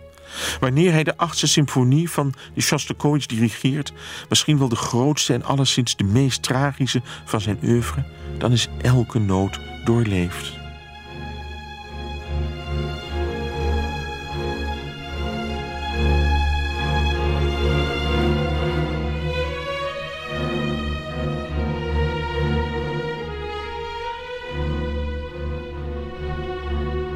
Je kunt je voorstellen dat het nieuws van het overlijden van Shostakovich heel hard aankomt bij Rostropovich. En dat moment breekt aan op 9 augustus 1975. Shostakovich kampte al jaren met chronische gezondheidsproblemen. Vanaf 1958 leed hij aan een slopende aandoening die vooral zijn rechterhand aantastte en hem uiteindelijk dwong het pianospel op te geven. In 1965 werd ook nog eens polio bij hem geconstateerd. En dan volgen de hartaanvallen het jaar erop en opnieuw in 1971. Bij een valpartij brak hij dan ook nog eens beide benen. En al die tijd bleef hij zich vastklampen aan zijn slechte gewoonten: sigaretten en wodka. Zij bleven tot aan het eind van zijn leven zijn trouwe metgezellen. In zijn laatste levensjaar raakte Shostakovich bevriend met de jonge muzikoloog Solomon Volkov. En die haalt hem langzaam en pijnlijk over tot een gesprek, een gesprek over zijn leven. En de neerslag van dat gesprek, dat misschien twee weken geduurd heeft, leidde tot een boek. En dat boek werd pas na de dood van Shostakovich gepubliceerd in 1979 met de titel Getuigenis. En dat is precies wat Shostakovich in dit boek doet: getuigenis afleggen over de kwellingen die hij in zijn leven heeft moeten doorstaan. Het leven onder een dictatuur. Al beseft hij goed dat hij niet de enige was die te lijden had onder het grillige en gevaarlijke temperament van Stalin. Miljoenen van zijn landgenoten hadden het met hun leven moeten bekopen. Ik heb gedacht dat mijn leven vol verdriet zat en dat het moeilijk zou zijn een miserabeler mens te vinden. Maar toen ik de levensverhalen van mijn vrienden en kennissen begon door te nemen, was ik ontzet. Het enige wat ik zag waren lijken, bergen van lijken. Ik overdrijf niet, ik bedoel bergen. Het heersende gevoel in getuigenis is er dan ook een van tristesse. Wanneer Shostakovich over zijn muziek spreekt, zegt hij bijvoorbeeld dat het merendeel van zijn symfonieën grafzerken zijn. Maar Shostakovich had dan ook een preoccupatie met zijn eigen sterfelijkheid. En naar het einde van zijn leven nam die natuurlijk alleen maar toe. Dat hoor je ook in zijn latere werken, zoals zijn 14e symfonie uit 1969. Weer een liederencyclus, gebaseerd op een aantal gedichten over het thema van de dood. Maar ook in die latere strijkkwartetten, die ik persoonlijk zijn beste oeuvre vind, die ademen iets morbide.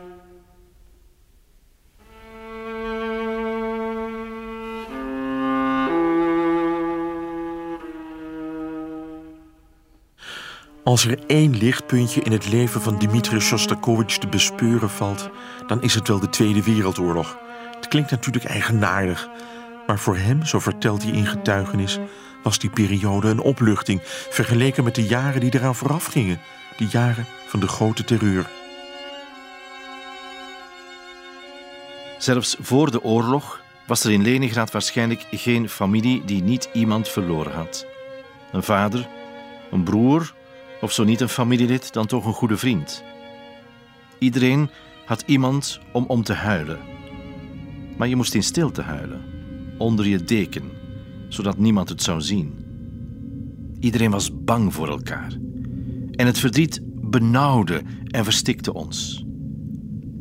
En toen kwam de oorlog. En het verdriet werd een gemeenschappelijk verdriet. We konden erover praten. We konden openlijk huilen. Huilen om wie we verloren hadden.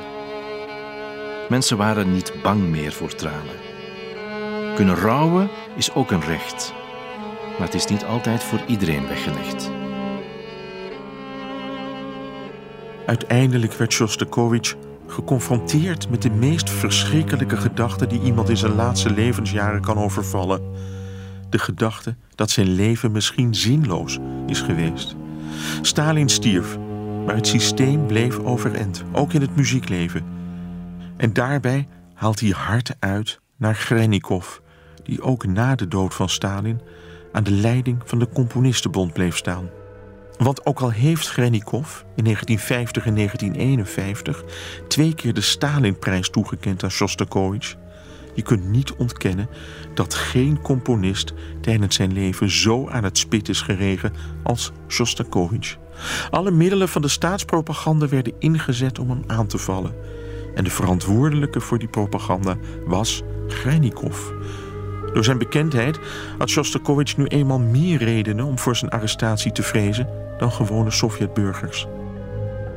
De mensen kunnen tegen mij zeggen: Je hebt nu wel een heleboel op anderen aan te merken, maar hoe zat dat met jou? Was jij dan niet bang? Ik kom er eerlijk voor uit dat ik bang was. Angst, dat was een collectief gevoel.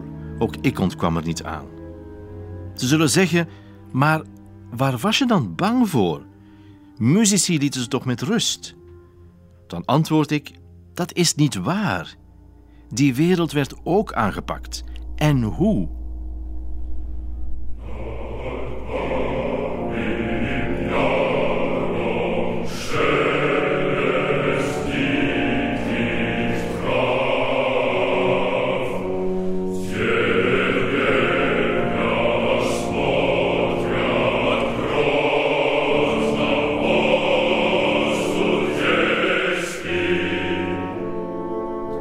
Wanneer getuigenis van Shostakovich verschijnt in het buitenland, wordt het comfortabele leven van Grenikov abrupt verstoord. Maar hoe fel de beschuldigingen aan zijn adres ook waren, hij reageerde er niet op. Dat vond hij beneden zijn waardigheid. Wel deed het hem ongetwijfeld pijn dat niemand van zijn vrienden het voor hem opnam of de beschuldigingen verifieerde. Pas in 2012 zou er meer helderheid over het waarheidsgehalte van Volkovs boek komen. Toen de pianist Yevgeny Kisin, die in zijn jonge jaren een beschermeling van Grenikov was, op internet zijn bevindingen over getuigenis deelde. En die vielen ten nadele van Volkov uit. De belangrijkste conclusie van Kisin is dat Shostakovich zelf nooit getuige is geweest van alles waarvan hij Grenikov beschuldigt. Zo zou Grenikov als secretaris-generaal van de Componistenbond een lijst met namen van te arresteren componisten hebben ondertekend. Terwijl zo'n lijst bij de Componistenbond nooit heeft bestaan. Rostropovich zal het boek vast met ingehouden adem hebben gelezen. En misschien wel met tranen in de ogen. Het feit dat hij de begrafenis van zijn vriend Shostakovich niet had kunnen bijwonen, deed hem ongelooflijk veel pijn. Een jaar voor de dood van Shostakovich was zijn vriend David Oistrakh ook al overleden. Dat verdriet kwam er nog eens bovenop. Ook dienstbegrafenis had Rostropovich niet kunnen bijwonen. Wanneer hij over zijn vrienden praatte, stroomden de tranen altijd over zijn wangen. Ook David Oistrakh werd tot op het laatst gekweld door het regime. Zo moest hij zijn vrouw en zoon altijd achterlaten als hij op tournee in het Westen was, dat de autoriteiten vreesden dat hij anders zou overlopen. Tijdens zo'n tournee in het Westen vreesde Oistrakh op zijn beurt onafgebroken voor het lot van zijn naasten. Het zou me dan ook niet verbazen als die spanningen hem op 24 oktober 1974 zijn fatale hartaanval hebben bezorgd. Dat gebeurde na afloop van een concert in het Amsterdamse concertgebouw. In die tijd was dat een trefpunt voor Russische muzici die even aan de verstikkende sfeer in de Sovjet-Unie wilden ontsnappen. En het bijzondere is dat ik Oistrakh in die dagen heb horen spelen. Ik was 13 jaar en ik vond het geweldig. En toen ik een paar dagen later hoorde dat hij was overleden, was ook ik even in tranen. In 1978 wordt Rostropovich zelfs officieel het Sovjet-staatsburgerschap ontnomen.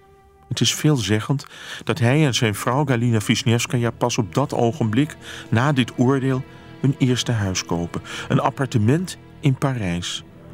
Al de jaren voordien hadden ze geleefd uit hun reiskoffers.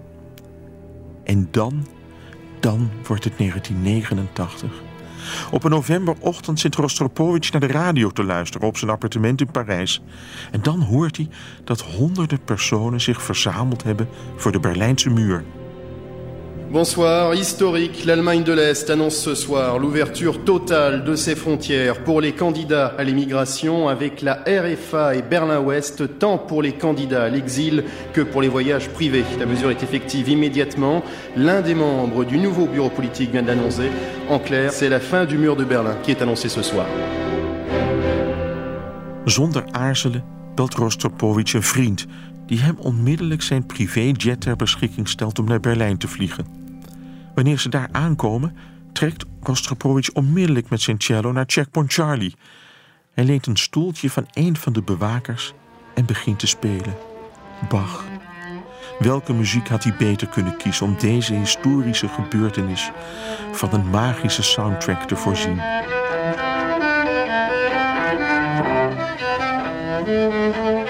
Er is een cameraploeg en de beelden van Rostropovich die daar voor die muur de tweede cello-suite van Bach zit te spelen, op dat krukje, gaan de hele wereld rond. Een mooi gebaar.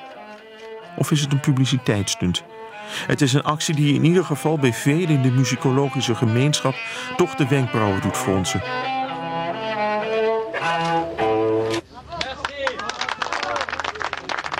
Maar aanstellerij is het zeker niet. Want niet veel later is Rostropovich al in Moskou. Wanneer men de beelden van Lenin met kranen van hun sokken haalt, spreekt hij het publiek toe met een megafoon.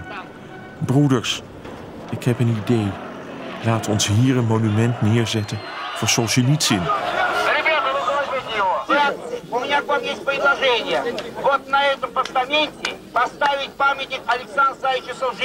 Hoe enorm de betekenis van Solzhenitsyn voor veel van zijn landgenoten is geweest, merkte ik tijdens een begrafenis op 6 augustus 2008 in Moskou. Sinds hij in 1994 naar zijn geboorteland was teruggekeerd, was zijn mythische status alleen maar groter geworden. In het 16e-eeuwse Danskooi-klooster werd een plechtigheid gehouden die uren duurde en met alle luister en liturgie van de Russisch-Orthodoxe Kerk was omgeven. Vele honderden bewonderaars van de schrijver waren komen opdagen om hem de laatste eer te bewijzen.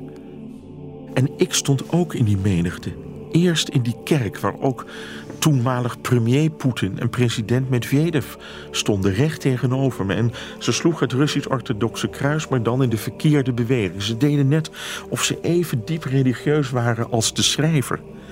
En bij die open kist stonden ook zijn vrouw en zijn kinderen. En al die Russen om mij heen in tranen, alsof ja, God ineens opnieuw naar de hemel was uh, gerezen. Het had iets zeer indrukwekkends. En dan die Russische koormuziek erbij. En die iconen en die iconostase die wand in die prachtige kerk van dat klooster. En vervolgens werd, ik geloof na uren dat die dienst duurde, die kist naar buiten gedragen. En we liepen naar dat graf.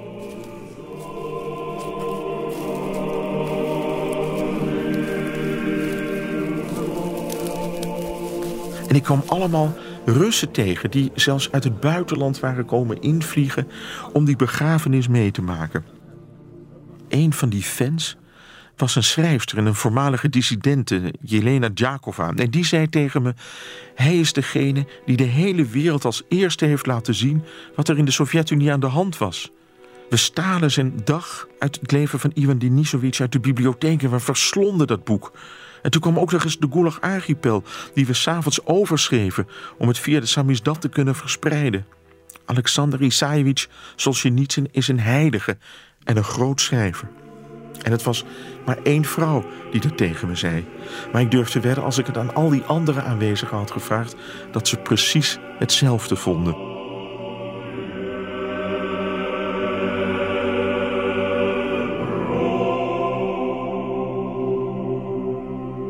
Aan het graf kwam ik ook de dichter Sergei Brel tegen. Brel, een afstammeling van een Belgische soldaat van Napoleon die in Rusland was gestrand. En die Brel is een dichter geworden. En behalve dat hij Solzhenitsyn een groot schrijver vond, zei hij dat Solzhenitsyn ook de historicus van de 20e eeuw in Rusland was. En toen pakte hij een gedichtenbundel uit zijn binnenzak en die legde die op het graf. En hij begon een kruis te slaan.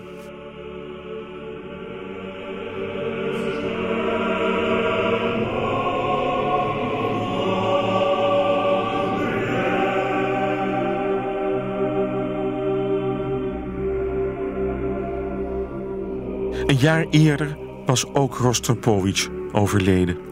Begin 2006 werd er kanker bij hem vastgesteld maar die werd bedwongen. En toen de ziekte in januari van het volgende jaar terugkwam en hij in een Parijs ziekenhuis lag, besloot hij terug te keren naar Moskou. Daar wilde hij sterven. Hij werd er opgenomen in het Blochin Kankerinstituut. En op 27 april, een maand na zijn tachtigste verjaardag, die in Moskou groot gevierd had moeten worden, overleed hij. Rostropovich werd begraven op het kerkhof van het jonge maagdenklooster in Moskou. Koningin Sofia van Spanje, de vrouw van de Franse president Chirac, president Aliyev van Azerbeidzjan en de weduwe van zijn vriend Boris Yeltsin stonden bij de kist. Het graf werd een jaar later voorzien van een eenvoudig Russisch-orthodox kruis met zijn naam erop. Aan de andere kant van het grote middenpad lag zijn vriend Yeltsin onder een enorme grafsteen in de vorm van een verfomfaaide Russische nationale vlag. Het is geen toeval. Yeltsin en Rostropovich waren sinds 1991 vrienden. Toen communistische Havike in augustus van dat jaar een staatsgreep tegen Gorbachev pleegde en tanks door de straten van de hoofdstad reden, nam Rostropovich het eerste het beste vliegtuig naar zijn geboorteland om zich aan te sluiten bij de door Boris Yeltsin geleide verdediging van het Witte Huis, de zetel van het parlement, dat toen door opstandige legereenheden werd belaagd.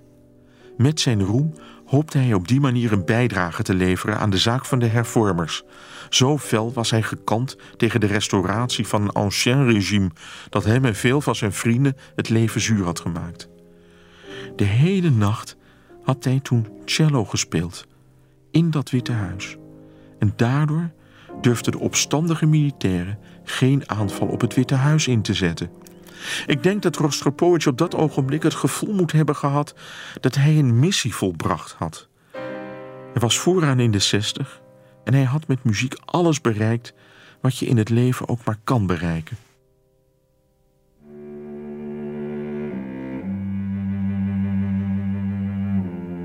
Op een foto uit die historische dagen in 1991 zit Rostropovich met een machinepistool in zijn linkerhand op de leuning van een stoel in een van de lange gangen van het parlementsgebouw. Zijn vrije arm heeft hij om de schouders van een slapende man geslagen die naast hem op de grond zit. Het is een foto die misschien wel het hele verhaal samenvat dat ik hier heb willen vertellen. Die nauwe verwevenheid van kunst en politiek. Het is iets waar ik me altijd over zal blijven verbazen. Het is iets unieks. Het kan alleen maar in Rusland. En altijd zal ik onder de indruk blijven van het ongekend hoge niveau van de muziek daar. Het is bijna alsof er in dat verdwenen land geen betere muzici en componisten konden bestaan dan in dat gure klimaat van repressie en angst, hoe krankzinnig het ook klinkt. Ook dat was uniek.